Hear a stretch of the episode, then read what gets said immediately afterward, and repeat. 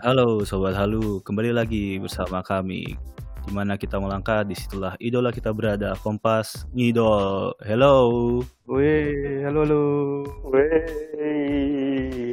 Kalau kita sekarang eh, bertiga nih sekarang nih. Ada gua, Irfan, lalu ada Rio. Hai Rio. Hai, what's up yo? Lalu ada Vander juga.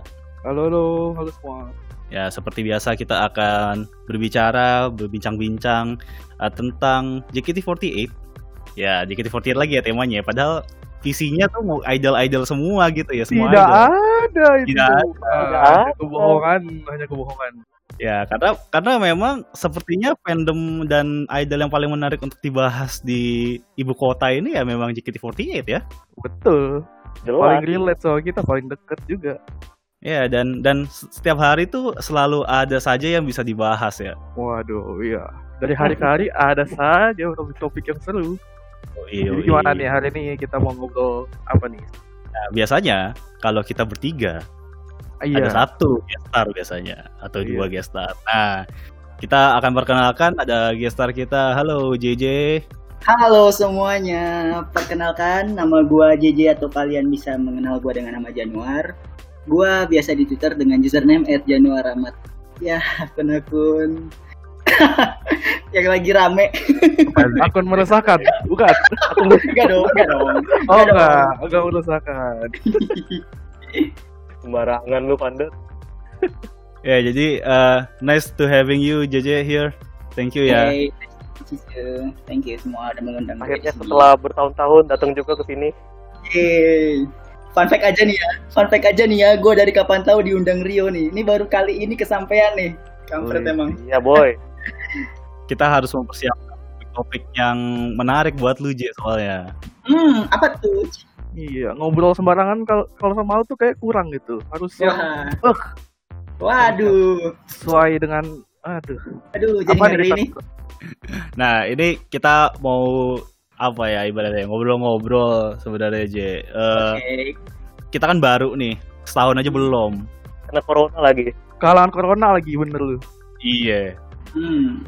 Gue mau tahu sih eh, dengan 8 tahun JKT48 ada di Indonesia ya.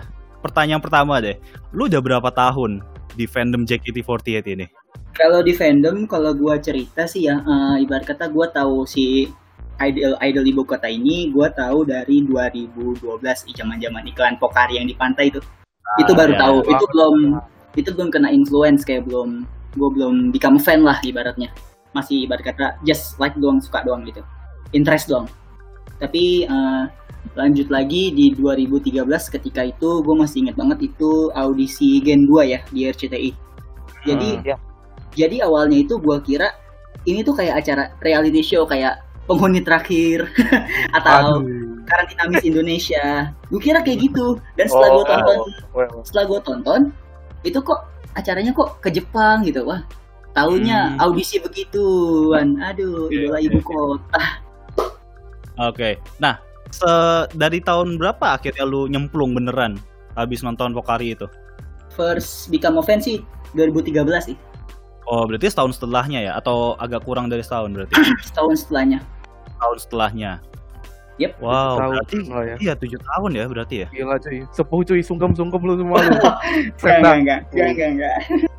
Gila, gua aja eh, Korea itu juga baru awal 2011. Jadi Oh. lu udah kayak spend waktu gua ngidol itu udah JKT48 semua ya.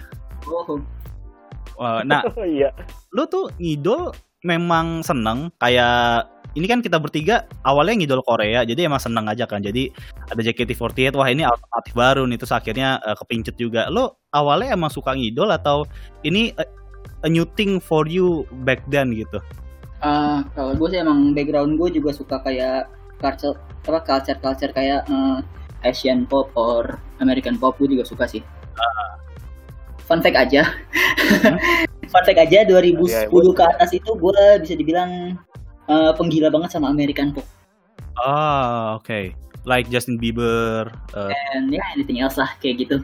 siapa ya Katy Perry gitu ya mungkin ya Ya begitulah. terus relationnya apa dengan kan idol culture di Jepang ya terutama dan American pop itu kan itu kan berbeda banget ya Beda. Ya karena ibarat kata kan kalau di American pop sana kan kayak boring gitu gitu-gitu aja sedangkan kalau gue lihat di Asian pop ini wah konsepnya beda-beda nih konsepnya menarik nih kalau di Jepangan kan konsepnya kayak ada idol you can meet kayak si lokalan ini kan ternyata di Oke, Jepang oke. sana juga sama Terus gemes-gemes lagi gitu ya. ya begitulah Oh, berarti awalnya lo tidak begitu into Japanese culture ya, like anime or manga gitu ya? Eh, dibilang into sih ya bisa dibilang into juga sih nggak begitu ini banget tapi Eh. sejak kapan ya 2012 apa juga itu gua bisa dibilang se- pertamanya sebelum AKB gue itu sukanya eh, baby metal, Keren, One Ok. Rock, Laruku. Nah, jadi eh, secara musicality juga spektrumnya nggak nggak jauh berbeda lah ya dari yang lo familiar juga ya. Yap, betul sekali. Nah, banyak yang suka idola tapi tidak terpaku pada musiknya. Yang gue penasaran, apakah lo suka JKT48 sebagai idol as a culture gitu, atau lo Hmm. juga suka lagunya saja, atau gimana gitu? Apa yang bener-bener bikin lo uh, into the fandom itself gitu? Satu, culture. Balik Ah. lagi, dia pakai konsep idol you can meet yang di mana idol yang bisa kau temui lah dalam Hmm. arti secara harfiahnya. Dari situ gue tertarik aja kayak, wah nih konsepnya beda nih sama American pop, terus kayak ah, dia itu ya beda aja gitu, unik aja gitu yang bikin gue masuk ke sana tuh kayak keunikannya dia itu kayak Hmm. beda gitu wah di Indonesia belum ada nih konsep idol kayak gini idol you can meet sedangkan pada masa 2013 itu kan lagi rame-ramenya kayak girl band atau boy band yang nuansa Korea gitu kan kayak Smash, Cowboy Junior dan lain-lain sebagainya, Oh. Cherry Bell apalah itu. Tapi lo suka K-pop gak dulu? Ya basically tahu sih dikit-dikit dulu mah. Tahu dikit-dikit ya. Ya Jadi- yang populer songs-nya. Eh, jadi gue bisa bilang nggak kalau idol culture itu lumayan baru buat lu pada tahun 2012 dulu ya? Bisa dibilang itu baru sih. Ah, oke. New culture. Oh, interesting ya. Itu Ya, ka- karena gua sendiri pun nggak mungkin si Vander sama Zerio juga bisa cerita gitu. Gua eh, suka ngidol itu banyak dari terinfluence dari Japanese culture sebelumnya. Hmm, Ada yang AKB kan, eh, Yep. ada Hatsune Miku yang virtual idol. Jadi udah lumayan familiar gitu sebelumnya gitu. oke. Nah itu eh, kalau buat lu yang ha- sesuatu hal yang baru, eh, lu menemukan apa akhirnya ke- ketika dulu nyemplung akhirnya ke fandom JKT48? Eh, waktu itu gue pertama kali ketemu si idol ibu kota ini waktu itu gue inget banget itu live di Dasyat TV RCTI Hmm, oke. itu gue inget banget gue aduh untold story nih langsung. Apa-apa bro, kita memang angkel-angkel semua di sini bro. jadi Oh, jadi sorry. jadi jadi guys so jadi so well waktu itu gue inget banget gue cabut sekolah demi ke sana Mantap. Dedikasi ini namanya fans. Waduh. Gak nggak cringe banget kalau diinget-inget udah dewasa gini kayak lo ngapain kayak gitu mending lu sekolah goblok gitulah ibaratnya Ya, nggak apa-apa. Dulu kan masih jiwa Masa muda, muda, masa muda. Yoi. Ya terus lu bolos sekolah, terus lu akhirnya nonton di Dasyat live. ya betul Oh, Itu berarti masih masih gen 1 ya? Masih gen 1 ya? gue Ya, waktu itu gue Oh, ikutnya pas Gen 2 gue inget banget itu pas lagi debutnya Gen 2 di TV itu di acara Idola Cilik Oh. 2013 itu kalau nggak salah grand final apa Mantap. itu acaranya di outdoor parkiran dan lo mau tahu apa gue manjat kontainer Hmm. tapi nggak bisa turun bener-bener aja. Dia bener-bener aja, gila. Gila, Fansnya ultras juga Boleh. nih orangnya. dulu dulu culture jujur aja dulu culture sekitar 2013 2012 itu emang keras kayak wah barbar banget ya, Bar. barbar gitu Oh, Hmm. Menarik, menarik. seru sih. Tapi seru sih yang kayak gitu. Iya itu culture fansnya tuh ala-ala pang juga ya kalau kayaknya Iya. ya, Iya, makanya. keras Bronx. Kalau di pensi-pensi itu ya, oh ya anak pang gitu kan Oh. naik-naik ke panggung gitu, begitu tuh. Pertanyaannya adalah setiap fans JKT48 pasti punya OC dong. Yap. OC lu siapa? Dari mungkin dulu atau mungkin pernah berubah juga sekarang Oh, siapa? Oke, gue ceritain dari awal aja ya. Ah. Pertama-tama pas zaman-zaman audisi, eh audisi, zaman-zaman iklan Pokari itu ya, gue ngeliatnya pertama ngeliat Melody terus gue kolik di internet wah Melody fans MU nih kebetulan gue juga fans MU kan wah ada cewek fans MU wah Oh. cakep keren nih wah gue all-in Melody aja deh gitu sampai makanya ada julukan Glory Glory Melody United Wah. tapi sekarang kalah mulu Ya kan? Sudah dia nonton, sudah malas. Habis Nah, dari terus? melodi ke mana?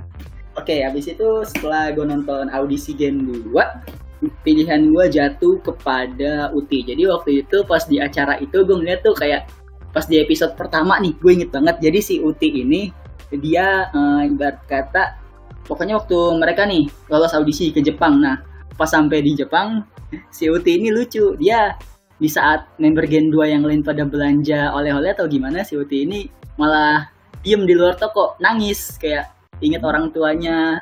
Dia berjuang di sini.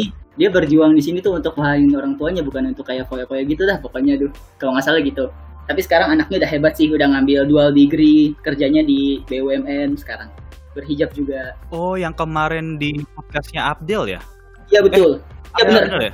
Abdel belum lama di YouTube Ah, Iya, iya, iya. iya. itu orangnya Oke. Terus habis dari Uti ke mana tuh berarti? terus gue nonton-nonton lagi pas sudah di debut Gen 2 nya wah ada senternya kan senternya itu namanya Noella gue masih inget banget itu Gen 2 Hmm. alasan gue nguasain dia tuh kayak wah dia kan secara gue juga ex anak band juga kan ya Ah, Nah. oke, oke. secara gue juga suka cewek yang bisa main gitar terus juga dia punya talent juga selain gitar selain apa vokal dia juga ada talentnya balerina. Wah jarang nih member idol group bisa balerina kan. Wah keren nih.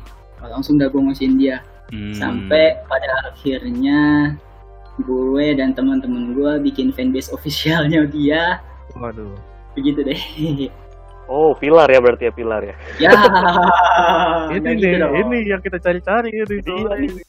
enggak dong Gosip-gosip ya, kalau member pilar itu eh dapet ini nih, japri-japrian nih. oh ya itu mah pribadi ya Nggak bisa disebar. ada Waduh. intinya Bos. Ya. Oke, nanti kita obrolin di belakang sini ya. Off the record ya. Aduh. Terus terus terus. terusnya setelah itu sekitar 2015 gue inget banget si Noella ini grad dan gue inget banget itu grade-nya pas hamin satu handshake ada cerita lucu juga nih pas dia grade. Itu grade-nya kalau nggak salah hari Minggu apa hari Sabtu gitu. Hari Sabtu. Grade-nya hari Sabtu. Jadi waktu itu gue lagi tidur siang tidur siang. Sore-sore gue kebangun gara-gara HP gue berisik. Pas gue cek handphone bangun-bangun. J cek Twitter cek Twitter cek Twitter. Gue cek anjir Oshi gue grade. Oh, dan Hamin satu. Dan itu Hamin satu handshake. Dan terus dari official gak lama 5 menit kemudian ngasih apa namanya apa news di webnya kalau tiket handshake-nya bisa di refund atau diganti dengan member lain nah detik itu juga jujur aja gue nggak mandi gue nggak ngapa-ngapain gue cuma pakai jeans doang gue langsung naik Transjakarta buat ke FX buat ngetukar tiketnya dengan member lain Oh, jadi dia announce sebelum Handshake Festival gitu ya? Hamin satu betul itu grade Oh, ya, gitu. bukan resign atau apa ya? Ah, resign sih lebih tepatnya Oh shit. Itu Wah, shit banget. Hamin satu handshake Itu banget sih. dan itu gue tuker tiket handshake-nya langsung ke Vini ya best friend-nya lah dulu ibaratnya kalau ibarat sekarang ship-nya lah Ya ya ya. Oh, oke oke oke oke oke. Wah, itu rasanya gimana, Je? biasa aja sih gue mah cuma wah kaget aja kaget aja Kalau Rio mau pasti nangis itu. Guys. Kaget aja. Oke, terus setelah kejadian seperti itu, lu tetap eh, nonton JKT tetap ngidol seperti biasa? tetap tetap nonton K3 tetap nonton Gen 2 tetap support Gen 2 karena kan emang yang bikin gue interest di JKT ini Gen 2 nya perjuangan mereka pas audisi Hmm, hmm, hmm. pas di TV itu Berarti opsi terakhir lo Vini ya? setelah setelah ke itu langsung ke Vini Oh, habis Vini itu udah Habis terakhir tuh. Vini enggak dong habis Waduh. Vini gue Vini tuh cuma kayak sebentar aja habis itu gue ngeliat audisi Gen 4 nih Eh, enggak bukan audisi Gen 4 sih kayak apa namanya eh, Gen 4 pertama kali tampil di handshake apa gitu gue lupa. Terus ada satu Oh, namanya Jinan. Itu mirip banget sama si yang grade sebelum Hamin satu KS itu mirip banget. Gue liat wah anjir mirip banget nih anjir Jinan. Oke gue langsung wasin dia. Langsung pick dia. Dan gak lama gue join official fanbase-nya. Bisa dibilang pelopor di official fanbase-nya juga. Di Wow. Cina nih. Kak Wow. Ngeri nih. Ngeri nih. juga Bener, Jadi tang- lama lah bukan pendiri ya member lama aja Iya iya. Yang berlama ya lah. Mm-mm. Udah, Jinan terakhir. Ada lagi? Ya setelah itu Oh ada lagi Gue- bos. Banyak. Banyak ya.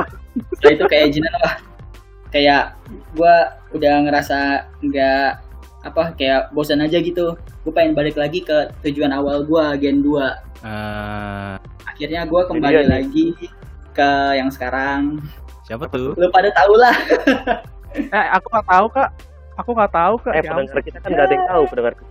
oh siap siap siap ya sekarang gue ke Nadila ya reasonnya sih kayak wah ini talent beda nih terus juga pola pikirnya dia beda dewasa nggak kayak member-member yang lain kan Ah, gitu Oke. gitu lah. kayak member yang extraordinary gitu kayak ada aura beda dari dia di antara member yang lain Nah, makanya I choose her Wah, jadi Nadila nih dari tahun berapa tuh berarti? itu dari 2017 sih Oh baru ya. iya Hmm. selain karena itu selain karena itu juga mirip mantan gua Wah, ada, ada, ada, ada, ada, ada, ada. Iya. Wow, alasannya. Oh, terus gitu. untold banget ya di sini ya aduh parah Gokil semuanya. Gokil gokil. spill semua Nah, ini gue gue penasaran ya eh, dengan lo ganti Oshi ada lima berarti tadi gue hitung-hitung ya. ya begitulah Itu dinamikanya tuh gimana sih? Eh, apa yang lo cari sebenarnya A- atau spektrumnya agak beda gitu dari kelima orang itu? ya spektrumnya beda sih kayak vibes-nya itu beda-beda Mm-mm. cuma kalau yang ibarat kata kan kita pemikiran makin jalan ya semakin dewasa jadi kita nggak melulu ke yang cari visual atau cari bakat tapi kita juga harus cari yang ibarat kata pemikirannya sama kayak kita lah pendewasaan diri nah makanya gue ngeliat Nadila ini sosoknya dewasa nah Oke. Exactly. di situlah Oke. tertariknya Catet watch, catet. jangan mikirin visual No. hei anda Ah, ini yang lucu. anda terutama Rio Sa, kok saya sih? Tenang aja. Eh, jadi lu nyari Oshi yang lu bisa relate eh, secara pemikiran mungkin, ini secara concern juga. pemikiran concern selera musik dan kan dia juga sekarang tergabung di apa namanya kaptennya JKT48 Akustik kan Yap. Dan sekarang gue juga bisa dibilang frontman di band gua jadi kita sama-sama frontman di band kita masing-masing jadi Nadila ini bisa jadi sebagai teman curhat juga teman kayak gue sering ngomongin band gua dan dia sering ngomongin band dia ke gua gitu pas handshake paling itu sih temanya Oh, Oh, interesting. Saya kira Japri. oh itu mah beda lagi Home, home, home, home, home, home, Oh, home. ini nih, wah, ini nih. Kayak ini wata-wata demanding mau minta tips ya nih kayak Vander nih. waduh Mencari tips and trick, bos. wow Aduh, lanjut, Aku lanjut. tidak bisa Gak bisa Nah. boy. Coba ini ini lu kan udah lama ya ngidol ya. Yap. Eh, yang lo dapetin apa eh, dari kegiatan ngidol lo selama tujuh tahun? Apa lo memang pure dapet experience gitu? Itu yang lo cari atau temen atau mungkin bahkan kayak like life lesson gitu atau pelajaran hidup gitu? Eh, satu relationship pertemanan Hmm, jadi pertemanan gue luas gak cuma dari teman sekolah aja hmm. ya gue berkat di tujuh tahun ini gue bisa kenal banyak orang ya bisa dibilang Hmm. di Indonesia lah temen gue di mana-mana Anjay. bukan nyari atau gimana ya Hmm. Di sini Maria juga nggak apa-apa, bos. Bebas kita mah, santai. kita tidak ria hanya membicarakan kenyataan. Ya, satu relationship. Kedua gue dapat banyak pelajaran. Yang ketiga gue bisa tahu yang namanya organisasi. Jadi kayak tahu lah organisasi di apa namanya fanbase fanbase gitu gimana. Pengolahan fanbase gimana. Gimana dapurnya fanbase tuh gimana. Gue tahu gitu Nah itu lo kan udah dua kali ya berarti initiate a fanbase, ya kan? ya? Oke.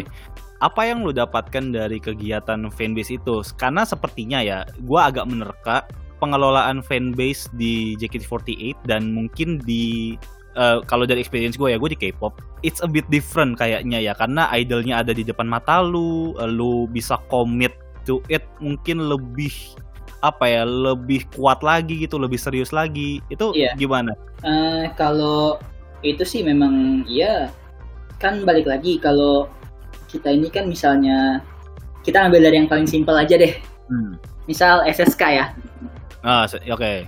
misal nih Sosenkyo misal si member ini pengen ibarat kata pengen senbatsu lah nomor berapa bodo amat yang penting senbatsu nah di ini kan di sini JKT48 ini kan dia ada event yang bernama apa namanya rapat eh meeting dengan member tersebut. Jadi ibarat kata nih lo lo fanbase dari member si A.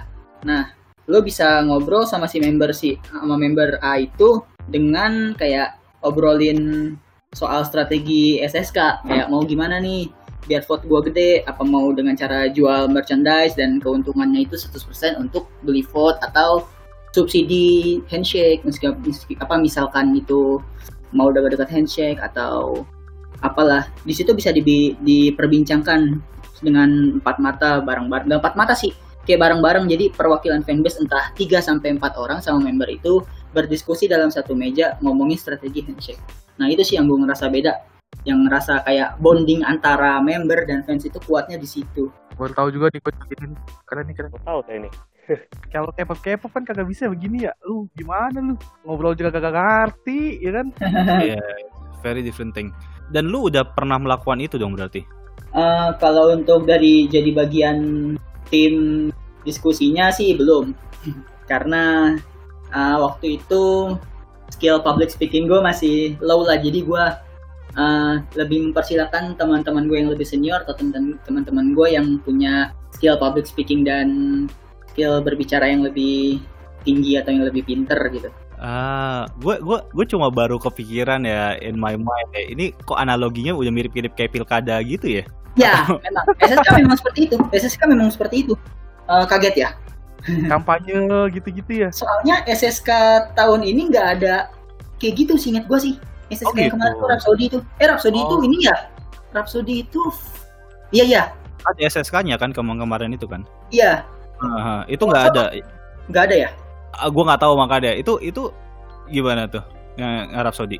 seingat gue sih Rhapsody kayaknya nggak ada deh kayaknya Oh, oke. pokoknya nanti deh dilihat aja misalnya ada SSK 2021 atau 2022 kan SSK yang besar itu kan tiap tahun ya Mhm. Nah, nanti kalian bisa lihat sendiri deh gimana. Soalnya biasanya rapat itu di kalau dulu zaman gua rapatnya tuh di F3. bukan di dalam Oh. bukan di dalam teater. Kalau sekarang kan dalam teater tuh rapatnya. Jadi Ah, ah, ah. perwakilan fanbase tiga orang atau berapa orang bisa mengajukan gitu. Ibarat kata petinggi-petinggi fanbase-nya lah yang maju, Hmm. member-membernya di belakang. Oh wow, itu keren sih ya. Gua gua tahu tapi gua nggak tahu sampai sejauh itu ya. Hmm. Ya, kelak kalian akan mengetahuinya lah. Oh, oke oke Menarik, oke.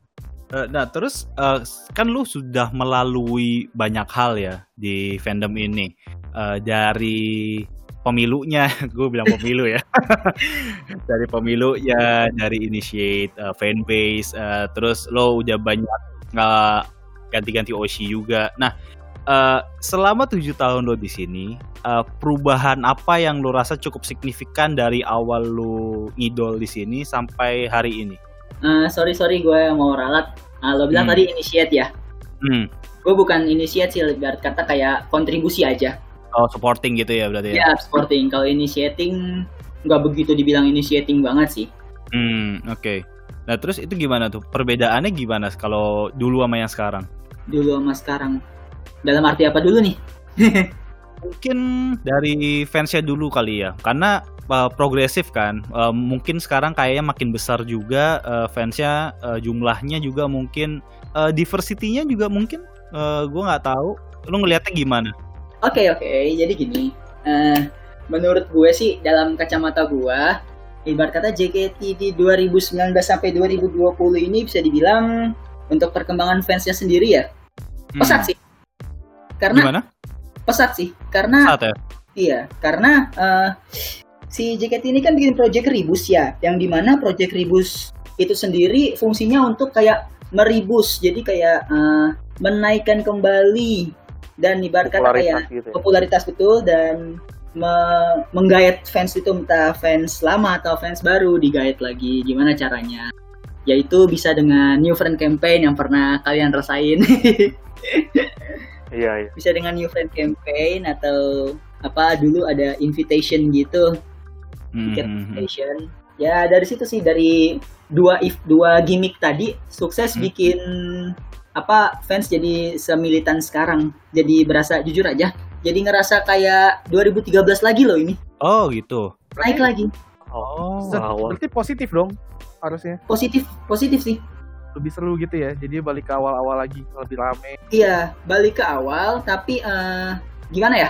Untuk yang sekarang sih, yang gua salut, dulu kan fans-fans Korea sama fan ke fans Jepang itu kan sensi ya kayak, wah Nah, di Jepang kan gini nih, ke Koreaan gini nih, plastik lu, wibu lu, bau bawang lu, dulu kan gitu ya. betul betul betul betul. Tapi sekarang gue lihat, wah fandom JKT ini banyak dari orang yang biasanya K-pop loh, dan itu gue salut sih. Dia bisa Hmm. orang-orang K-pop ini bisa into ke culture-nya Jepang gitu. Wah, salut sih. Keren sih. Beda sama dulu Bedanya tuh apa? Kerennya itu dalam dalam dalam konteks apa nih, J? konten di Twitter. Eh, gi- kayak gimana tuh contohnya? Yang Kayak- menurut lu, wah ini bener-bener beda nih. Ini improvement nih dari yang dulu sampai yang sekarang. Kayak eh, antusias fansnya sih. Mm-mm. Secara kalau gue lihat sih antusias fans K-pop ke idolnya itu kan kayak wah ini banget lah. Apa hype banget lah. Mhm, Nah, mhm. itu juga gua rasakan sama di JKT ini kayak di mana satu orang ini hype-nya tuh gila-gilaan wah gitu-gitu hype-nya sih kenceng sekenceng uh, fans K-pop ke idol K-popnya sama kayak fans generated kontennya tuh lebih melimpah gitu ya sekarang ya. Iya betul sekali Si I see, I see, I see. Eh, ini gue gue mau tanya deh, yang kayak yang eh, JKT KD dulu ada nggak? nah ini juga yang gue suka Sel KD ini baru Oh ini baru, gue kira tuh Oh. udah ada dari dulu gitu. enggak baru baru 2019 akhir Sel KD itu Oh iya. Ini berarti yang bawa fans K-pop juga kali ya mungkin. Iya. Karena setahu gue Selka itu memang sebutan untuk fans-fans K-pop sih. Makanya banyak yang kemarin pengen nanya Selka itu apa. Oh, Selka itu kan selfie gitu kan. Iya, Oh, baru. kamera. Iya. dan itu gue lihat positif sih jadi kayak ada fans yang apa namanya kreatif jadi foto-foto Iya, ngikutin sama kayak idolnya kayak gue bikin Oh, iya. KD Member-member juga pada ngeliatin kan. Iya, sisi positifnya member suka ngelihat sel KD, member suka ngelihat kayak konten-konten TikTok, editing yang estetik gitu kan yang di mana editing estetik itu biasa gue lihat di K-pop gitu kan. Ya, Ini ya. gue Oh, lihat. JKT, wah keren juga dilihat-lihat. Positif sih, applause, salut gue untuk segi konten di sosmed. Eh, Oke, sela- selain JKT Sel, Sel KD ada lagi nggak yang menurut lu cukup impresif buat lu sendiri yang udah cukup lama gitu? JKT48 on crack buatannya Benurat Maja, itu keren sih. Ah, itu keren ya. oh, crack liat. ya. Crack, gue tau, gue tau. Gue Sebelumnya gak pernah ada tuh. Itu baru kali itu baru kali ini gue ngeliat on crack di JKT. Biasanya gue ngeliat on crack itu twice, twice on crack. Betul, betul, betul. Ya, ya, K-pop banget. Satelit K-pop on crack. K-pop banget itu emang. K-pop banget gitu emang. on track. Eh, ada lagi nggak yang menurut lu cukup impresif selain dua itu? Eh, saat ini sih ship shipan. Cuma di Hmm. mata gue ship itu kayak kalau G2G Ah, jujur aja gue agak disgusting sih. Oke, Oke. kenapa gue tuh? sempet speak up di Twitter sampai viral di kalangan Wota. Gue speak up bahwa kayak lu apa pengen membernya ship-shipan gitu kayak Mira sama apa siapa namanya Cika Mira sama eh Mira sama Ah, Cika iya, Vivi iya. sama Cika Fikui Fikui ya Fikui. Shania sama Gracia apa namanya Shania sama Gracia apa namanya. Grecian, Grecian. ya. gitu kayak gue ngeliatnya tuh kayak jijik gitu biarkan gue lebih suka kalau kayak dulu tuh si apa namanya ada juga dulu yang ship-shipan tapi nggak lebay kayak sekarang lah dulu ada Venal fenomenal sorry V sama Kinal. Fenomenal ya. itu Oh iya apa iya. alami pure gak dibuat-buat persahabatan Jadi kalau yang lo rasa sekarang tidak senatural dulu untuk ship shipannya itu atau gimana? iya nggak senatural dulu malah kayak jadi gimmick yang dipaksakan Hmm. si membernya ini sendiri malah kayak jujur aja ya ini gue dapet apa namanya cerita dari teman gue jadi Ya, Iya. si teman gue ini sebut saja Bambang Bang Bang, Oke. si Kenapa Bambang ini Bambang? handshake sama salah satu member sebut saja Mawar Mawar, oke. jadi si Bambang ini handshake sama si Mawar dan si Bambang ini nanya ke si Mawar eh Mawar gimana nih menurut lo sama konten-konten Wota yang ngomongin soal ship-shipan kata si Mawar wah Hmm. gue suka nih kayak gini-gini gue niatnya lucu-lucu banget gitu mau Oh. boleh nih buat gimmick Oke. gitu katanya si member suka Oh, Tapi memang yang gue lihat sih memang member-member ini ngebikin ship ini sebagai bentuk gimmick juga sih. Memang kayak- gimmick dan konten memang kayaknya mereka juga nggak mengakui sih. Kalau lo lihat shipnya nggak apa ya? Jadi kayak gimmick yang dikomoditaskan gitu ya atau atau gimana? Iya bener gimmick yang dikomoditaskan dan dilebih-lebihkan sih. Over Ah. gitu jadinya. Apalagi gue ngeliat tuh kayak siapa tuh ada Vivi, Mira sama Cika ya kalau nggak salah dibikin Iya, iya, iya. apa sih? Iya iya. Emosi gue. Keluarkan saya, Wak. Keluarkan, keluarkan, keluarkan.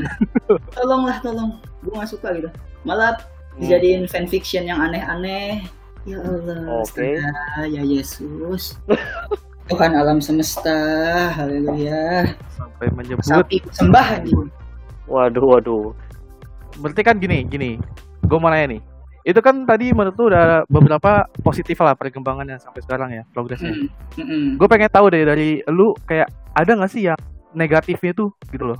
Negatif yang selain selain yang selain yang kayak Chip chip-chipan itu ya yang menurut lu bener-bener lu pengen ini apaan sih gitu loh. Perasaan dulu kagak begini dah. Kayak gitu. Tubir-tubir gak penting. Tubir-tubir nggak Oh. penting. ya, me- memang dulu tidak ada seperti itu. Tubir-tubir tidak penting. Dulu sih ada kayak misalnya nge-gap member yang pacaran itu kan sebenarnya gak Ah. penting ya, privasi ya. Ya, ya, Ngapain sih? Betul. Lu apa namanya ganggu privasi orang, member juga manusia, punya rasa, punya hati. Jangan samakan dengan pisau belati kalau kata Candil serius kan. Oh, udah bubar. Ya. Oh, udah bubar. Udah bubar. Selain tubir-tubir kayak gitu, juga kayak apa namanya privasi. Dulu ada cerita salah satu member yang, yang bisa dibilang tinggal di Bekasi itu ngerasa jengah ketika ada salah satu fansnya yang apa ngebuntutin dia dari Oh, teater stalker bisa lah ya, stalker ya. rumah. stalker gitu Iya, stalker. Oh shit. stalker sampai ke depan rumah dan dengan gobloknya si stalker ini nge-tweet aku ada di depan rumah kamu nih at Mawar gitu sebut saja nama membernya dan si Mawar ini speak up tolonglah kalian gak usah apa namanya gak usah ngebuntutin gitulah secara kasarnya gue lupa tweetnya kayak gimana pokoknya Ya, gue tahu dah. nah Ya, ya, ya. pokoknya Ah. kayak gitu Itu bukannya udah ada dari dulu ya? Maksudnya Udah. bukan era-era sekarang yang ribus ini. iya ini gue ceritain yang dulu member Ya, juga dulu ya. kok. Ah, ah, ah, ah. Oh ya ya makanya. Ah kalau yang sekarang apa lebih parah daripada dulu untuk yang kayak stalkernya kayak gitu atau malah menurut lu lebih positif? Tapi kan tadi kata lu eh, ini yang negatifnya gitu ya. Berarti harusnya berarti harusnya lebih parah dong. iya Lebih parah gitu. Kalau Eh. lebih parah tuh emang ada contohnya gimana sih? Gue belum pernah lihat soalnya. Eh, bisa dibilang pernah waktu itu kayak ada salah satu fans yang ngegap member lagi jalan sama cowok di mall terus di Hah? Insta Story apa diapain gitu direkam lah pokoknya terus diupload di Twitter dengan akun anon dengan mention ke membernya contoh kayak Ed Mawar ngapain lu sama cowok bla bla bla terus banyak yang retweet jadi tubir gitu privasi privasi lagi sih sebenarnya Eh, ini yang gue nggak usah sebutin member ya, tapi ini bener gak yang turun ke akademi, terus nggak lama setelahnya eh, resign atau grade ya? Gue lupa deh. Bener Iya. yang itu nggak sih? Baru-baru ini kan? Setahun kemarin? iya itulah Nah, wow itu, ya kita juga pernah eh, ngobrol juga sih. Kita pernah bak. oh Kayak pacaran itu udah career killer aja buat member JKT. Iya karena kan seperti yang kita tahu kalau di JKT ini kan ada golden rules ya gimmick gitu sebenarnya gimmick percaya kalian itu sebuah gimmick That's unwritten kan? Yap betul unwritten JJJ sebelum, sebelum lanjut nih gue tanya dulu nih. Apakah Golden Rules itu ada di JKT? Ada aturan tertulisnya atau enggak? kalau tertulis Kalau enggak AKB itu kan ada benar tertulis tuh. Nah kalau Hmm. JKT gimana? Ada nggak? sebenarnya sih ya kalau kita bilang kan JKT ini kan apa kiblatnya AKB jadi ya untuk golden rules ini sendiri ya kita kiblat ke AKB tapi untuk secara peraturan tertulis so far gue belum pernah ngeliat deh mungkin ini Hmm. cuma kayak culture Jepang yang dibawa ke sini biar ngejaga si member Oh. itu jangan mempublikasikan misalnya punya hubungan atau gimana biar supaya si fans ini gak baper jadi kayak perasaan intimnya ke member itu nggak berkurang nggak jadi ilfeel lah ibaratnya Hmm. Jadi sebenarnya menurut lu itu boleh atau enggak pacaran? Boleh apa enggak? Nah, iya. Kalau gue pribadi ya kalau member yang pacaran sih santai aja cuma ya kayak eh, pinter-pinter aja lah nyembunyiinnya gitu. Hmm, jadi nggak apa-apa ya. Kalau lu tuh setu- setuju-setuju aja ya berarti kalau misalnya member tuh pacaran atau gimana? iyalah anak muda mana sih yang nggak tahan sama pengen pacaran gitu Betul Pasti. betul. pengen lah namanya masa muda kan Secara member dia juga cakep gitu ya. iya Banyak yang ngejar, masa kagak mau ya? Nah gitu logikanya aja di situ Logika, betul betul betul. Setuju nih gua kalau begini nih. Mm-mm. Nah, itu kan member nih ya, member masalah golden rules pacaran ya. Mm-mm. Gue mau tanya lagi kalau ke lu tuh masalah eh Korea-Koreaan nih di member. Ini Mm-mm. mungkin untuk beberapa fans sedikit sensitif nih ya kan. Mm-mm. Tapi kan kalau zaman sekarang nih gen-gen baru nih ya yang belakang-belakang mulai open nih kayaknya nih kalau mereka kayak ngefans K-pop gitu-gitu kan. Sempat beberapa waktu lalu juga kayak wota-wota jadi nubirin ini nih sifat-sifat member yang kayak ini kok orang open banget sih sama Korea kalau dulu tuh nggak boleh. Nah pertanyaan gua, memang dulu nggak boleh ya Eh, kalau idol itu Korea-Koreaan?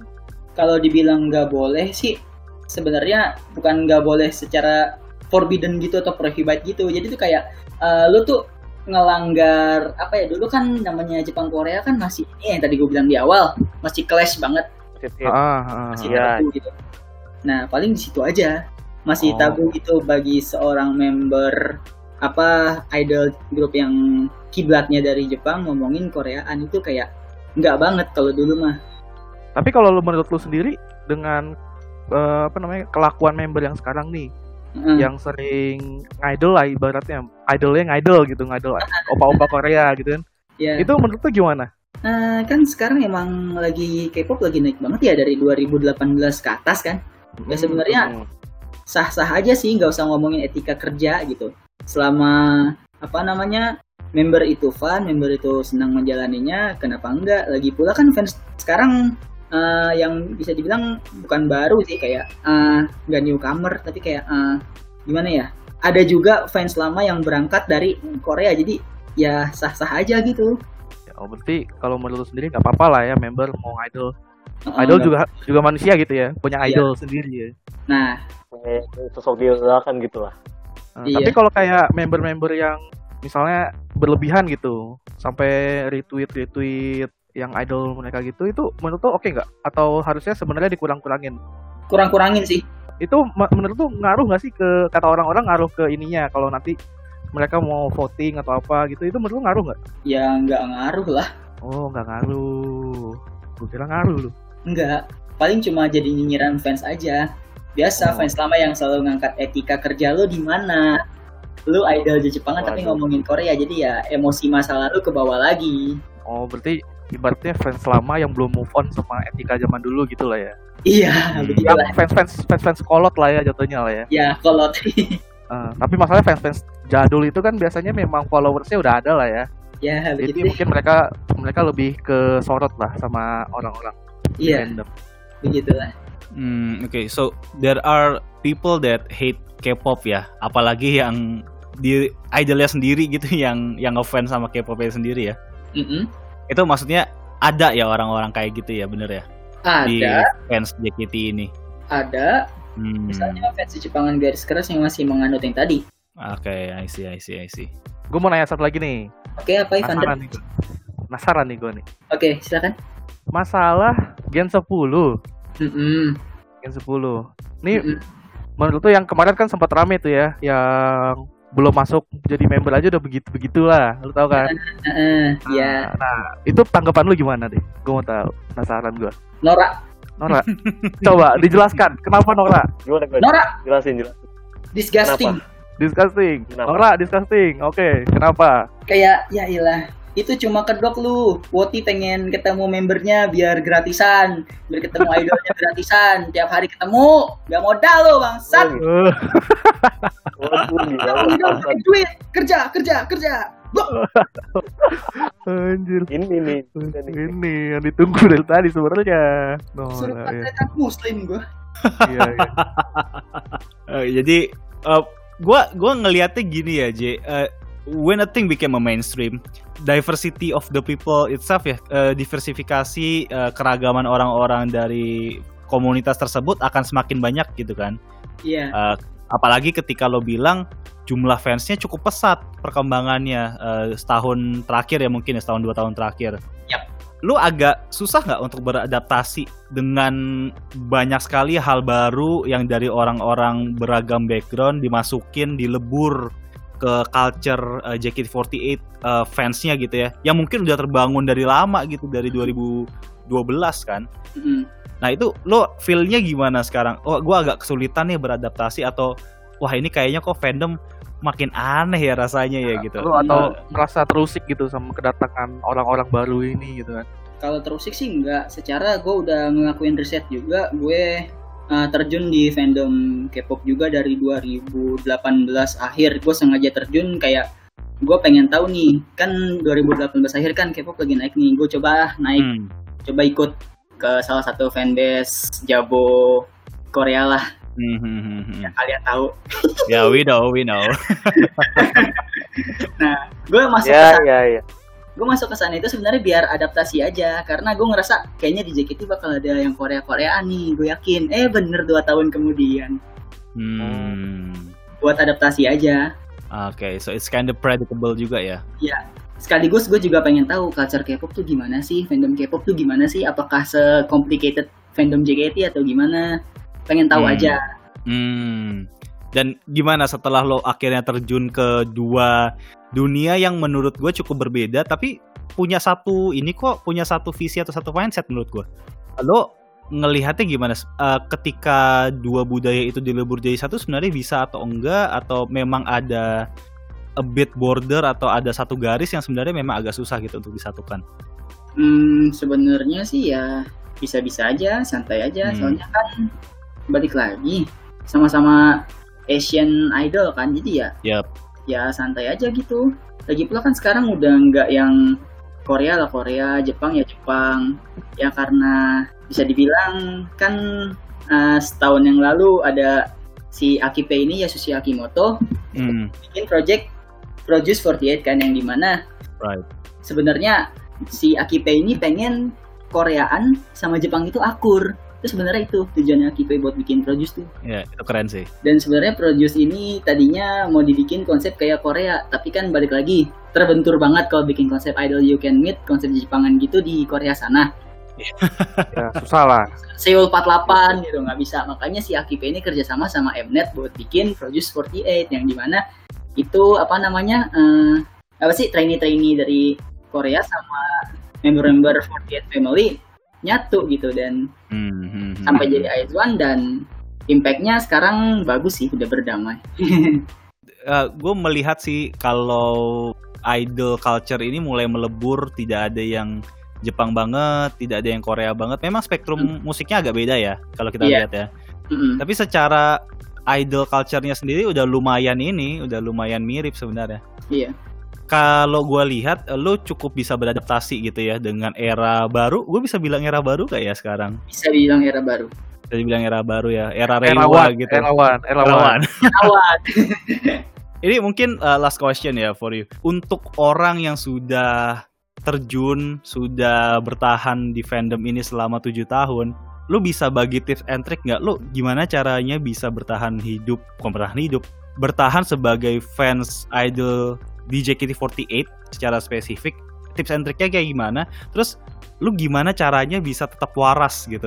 How you keep being sane in the middle of people that mm, banyak banget yang tubir, banyak banget yang like crazy Halo. fucker ya kan? Maksudnya gila kan? ya pretend like ya pura-pura kayak ini aja apa ya di bawah santai aja kayak gue sih kalau ada tubir-tubir gitu santai aja sih kecuali Hmm. kalau gue udah panas gue pasti mau nggak mau pasti gue meledak pasti gue nge-tweet pasti gue ngomong Ya ya ya ya. ya. Ini jadi- apa namanya kisi-kisi biar bertahan di fandom Hmm, gimana tuh? paling sih eh, jaga-jaga relationship sama teman-teman kalian Hmm, hmm, hmm. di fandom ini karena yang kalian tahu juga di fandom ini bisa dibilang fansnya saling cakar-cakaran lah kasarnya Betul. Right. Terlihatnya right, seperti right. itu.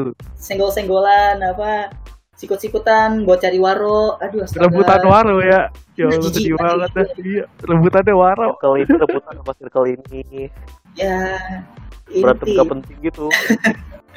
sama So apa lagi? sama jangan berulah lah di fandom ya itu ya. banyak Hmm. sekali orang berulah ya. Banyak pak. banyak Mencari waronya jalur-jalur ini, jalur Jadi jahat, Blok. Di waro. blok. jalur blok anjir. cari waro cari keuntungan pribadi buat masuk kantong pribadi nipu Waduh, biar waduh, waduh, waduh. terus tabrak palang 7 juta Waduh, waduh, waduh, waduh, waduh, waduh, waduh. Aduh. Bener, bener, bener. Aduh, aduh. Tuh orang udah ketangkep belum sih? Wah, kurang tahu deh Tuh orang tahu ya. Gak tahu. Kayaknya udah deh, kayaknya udah. intinya sih pinter-pinter survive aja kayak eh, jangan kalau lu nggak mau disenggol jangan nyenggol. Karena di fandom JKT ini sensitif. Kalau ada kayak sesuatu yang bikin dia trigger itu sensitif banget. Bisa orang lain bisa marah atau orang lain bisa nyindir gitu. JBJB lah istilah anak Twitter Berarti kalau gue tarik kesimpulan secara nggak se- langsung lu bilang kalau di fandom ini lu tuh butuh circle lah ya. bisa dibilang butuh circle karena kalau jujur aja gue pernah jadi lone wolf di idol eh di idol di fandom ini pernah jadi lone wolf. Dan itu ngerasa kayak ngapain gitu gue di mana gue siapa gue nggak ada temen gitu Oh. ya gue bisa sampai di titik di titik ini ya karena gue join beberapa circle sih dari awal gue ngidol sampai sekarang circle gue ganti-ganti Hmm. bukan berarti gue tipe orang yang apa namanya eh, udah bosen dikit gue cabut udah bosen dikit cabut sebenarnya gue pindah-pindah circle ini karena bisa jadi ada ada konflik atau apa yang menurut gue udah toksik udah nggak sehat ya gue cabut atau misal gimana rebutan waro atau gimana yang udah nggak sehat lah pokoknya gue cabut gue cari circle yang lebih membangun gue gue cari circle yang lebih asik gue cari circle yang lebih apa namanya me- membantu gue biar apa Bisa bertahan di sini lebih lama lah gitu ya. di itu lebih lama ya buat survive tuh Oke. Nah, ultimate question, apakah Waro penting buat lu? gak penting-penting amat sih Oke. itu cuma gini bro cuma fan service doang Berarti Ah, apa yang lu cari di tempat ini? Pertanyaannya. yang gue cari di fandom ini sebenarnya having fun friendship Oke. dan ngilangin stres kerjaan aja that's Simple, ya? true. Sesimpel itu aja sebenarnya ya. sesimpel itu. Fucking true. Damn right, damn right bro. Jadi Waro itu adalah sebuah bonus lah ya ibaratnya. iya reward aja reward lo mendukung si A reward lo mendukung Iya. si B gitu Tapi siapa tidak mau bonus ya kan? Semua orang ingin bonus tahu saya. Ya makanya pada rebutan pak. makanya kontribusi Ah, itu. Tuh, jangan Iya, tubir tubar tubir kontribusi banyakin kalau mau waro ah Kalau tubir kan juga di Waro, Bos. Nanti di blok sama member kan di Waro tuh.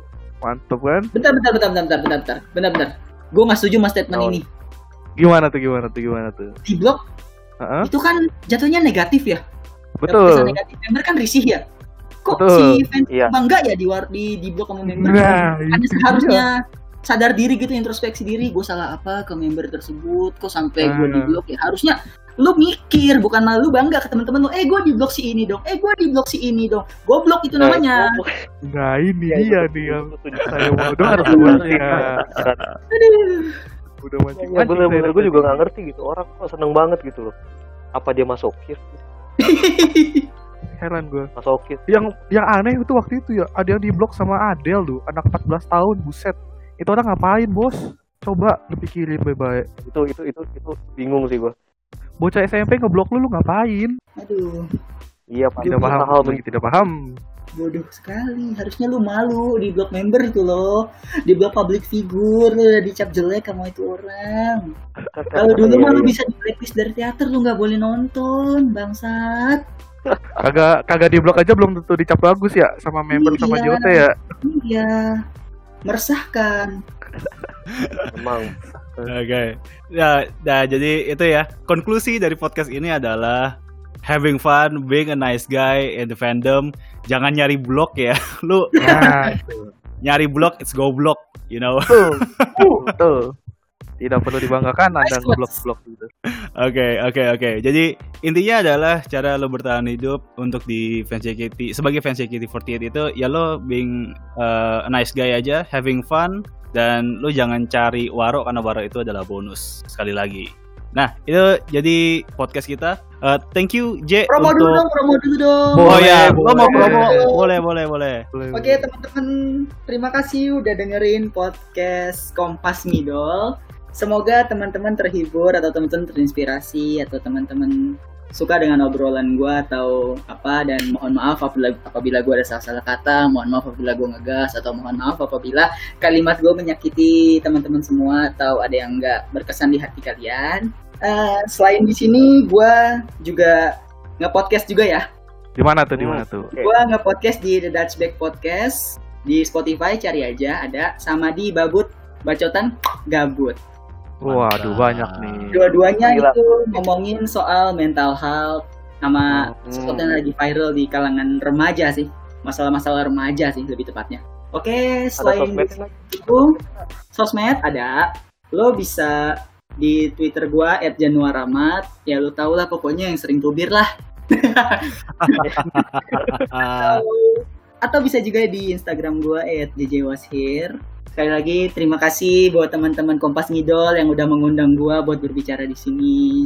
Terima kasih Kita yang banyak. makasih, kita yang makasih. Sama-sama bro. Itu ya, kalau lo penasaran sama JJ orang kayak gimana, he was an insightful guy, dia keren, lo bisa belajar banyak dari dia tentang fandom ini. Follow IG-nya, Twitter-nya, dan dengerin podcast-nya juga. Mental health is important juga ya untuk fans sekali. JKT48. Dan guys, guys, mungkin gua akan ngomongin soal fandom juga di Babut. Nah, jika kalian pengen ngomongin soal fandom di podcast gua, bisa silakan DM gua aja, bisa di Twitter, bisa di Instagram, dan kalian DM aja apa topik yang kalian pengen bicarain ke gua, misalnya itu tentang mental health, atau misalnya tentang idling, atau misalkan tentang apa pun yang ingin kalian bicarakan di podcast gua, kalian bisa tinggal DM aja ke gua dan bicarakan apa yang kalian mau. Terima kasih. Mantap. Oke. So that's uh, all for you guys. Kalau kalau mau tahu fandom JKT48 mental health sebagai fans idol langsung tanya aja ke JJ. So oh that's all uh, for this episode. Jadi kita mau pamit dulu, kita mau close. Jadi banyak sekali hal yang bisa kita dapatkan hari ini. Oke, thank you JJ uh, for your time tonight. Sama-sama. Terima kasih Kita- juga. Kita senang banget ngobrol-ngobrol sama lo. Oke, jadi Kompas Ngidol, kalian bisa cek episode ini di Spotify dan Anchor. Uh, follow kita di Twitter alt Kompas Ngidol. Kalian bisa lihat banyak episode di Spotify kita. Banyak sekali kita bahas tentang fandom JKT48 dari fansnya, dari perspektif kita, dan juga bagaimana mempengaruhi kehidupan kita. Jadi uh, kita mau pamit. Uh, Rio, Yes, oke, thank you semua udah dengerin. oke Vander. Ya, thank you semua udah dengerin. Yoi, oke, gue Irfan juga uh, signing out. Thank you for listening our episode. Bye.